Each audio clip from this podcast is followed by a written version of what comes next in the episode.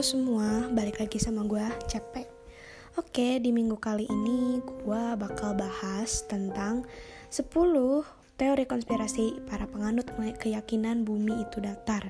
Gue ambil dari liputan 6. Bumi ini sebenarnya bulat atau datar sih?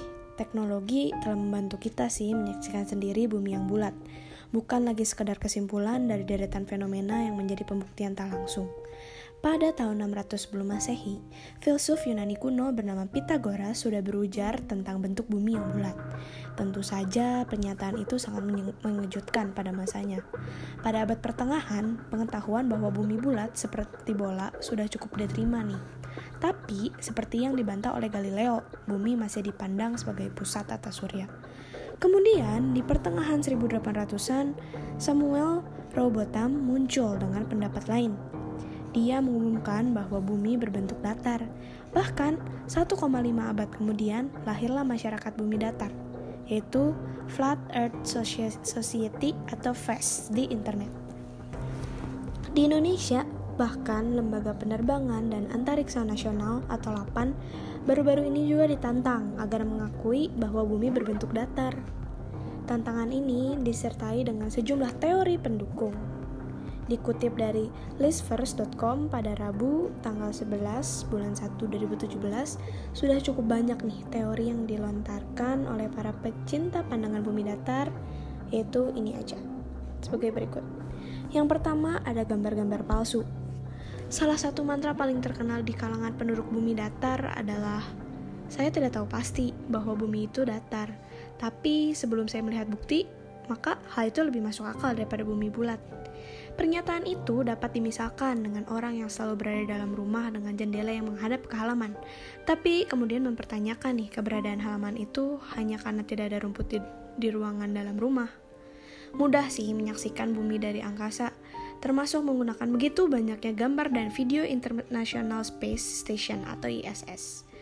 Atau bisa juga menyaksikan video selang waktu atau time lapse rekaman satelit Jepang bernama Himawari 8. Satelit itu mengambil foto bumi setiap 10 menit dari ketinggian 35.000 km.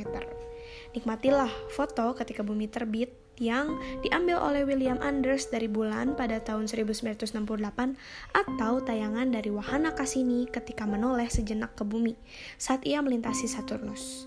Tapi, bagi para penggemar masyarakat bumi datar atau Flat Earth Society dan jutaan orang serupa mereka, gambar-gambar itu adalah palsu. Bagi mereka, semua video terbitan NASA, ESA, CNSA, Roscosmos, dan semua badan antariksa lainnya hanyalah sekedar grafik komputer. Foto pun dianggap sekedar rekayasa Photoshop. Dengan demikian, suatu organisasi yang selama sejak 1946 menciptakan gambar-gambar palsu dianggap memiliki rencana jahat. Yang kedua, video ISS diambil dalam pesawat terbang. Bahkan jika semua gambar-gambar angka di angkasa itu palsu, masih ada nih video-video para awak ISS mengambang dalam wahana. Tidak masalah bagi para pecinta face itu, itu semua juga palsu. Tapi pemalsuan itu lebih niat lagi, bukan sekedar grafik komputer atau CGI. Video-video itu direkam dalam penerbangan dengan lintasan parabolik atau kerap dikenal dengan pesawat terbang gravitasi nol atau zero G. Tentu saja penerbangan parabolik memang ada dan kadang-kadang dipakai untuk melatih astronot untuk melakukan gerakan-gerakan dalam suasana grafik renik atau mikro. Pada dasarnya, penerbangan demikian adalah ketika pesawat dijatuhkan secara terkendali sehingga orang-orang di dalamnya mengambang. Masalahnya, untuk apa sih NASA membuang waktu lebih dari setengah abad hanya untuk merekam video dalam penerbangan demikian? Tidak terbayangkan kan betapa banyaknya video yang diperlukan untuk semua itu. Jangan khawatir, penjelasan lain oleh para pecinta FES adalah bahwa NASA merekam para astronotnya di bawah samudra atau di depan layar biru dengan para astronot yang terhubung kabel-kabel ke komputer. Yang ketiga, tembok es Antartika. Untuk suatu model bumi datar, dunia ini berbentuk cakram dengan kutub utara di tengahnya. Cincin di tepiannya adalah tembok es yang mengelilingi lingkaran cakram bumi. Nah, cincin itulah yang disebut kutub selatan atau Antartika. Jika dimisalkan sebuah pizza, maka Antartika adalah bagian roti tebal di tepiannya.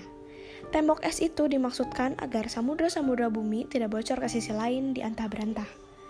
Ada banyak teori, mulai dari spekulasi ilmiah hingga fanatisme agama. Salah satunya adalah klaim bahwa tembok es Antartika dikelilingi oleh samudra lain. Di luar sana ada benua terlarang, yaitu Anti Antiton. Uh, Samuel Robotham menyerah melakukan tebakan dan dengan enteng mengatakan, pemahaman manusia terhalang oleh es abadi tak tertembus, membentang lebih jauh daripada yang dapat dilihat mata atau teleskop dan tersesat dalam bayangan atau kegelapan. Sudah ada banyak penjelajah yang melintasi Antartika, sehingga kutub selatan seakan telah memilih menjadi tujuan wisata. Sukar dibayangkan ada orang yang jatuh ke perbatasan es abadi. Yang keempat, bumi tak melengkung. Tidak heran ada pendapat seperti ini, karena begitulah adanya di planet bumi yang datar.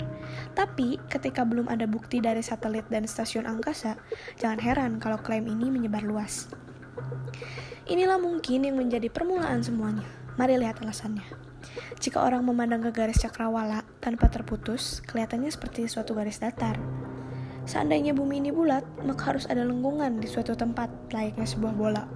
Lihatlah bola pingpong dan kelihatan lengkungannya. Ternyata yang penting adalah skala dan posisi. Dari permukaan bulatan yang cukup besar, pemandangan 360 derajat berupa cakram, karena garis pandang kita tidak menampakkan apa pun di belakang. Lengkungan di ujung cakrawala.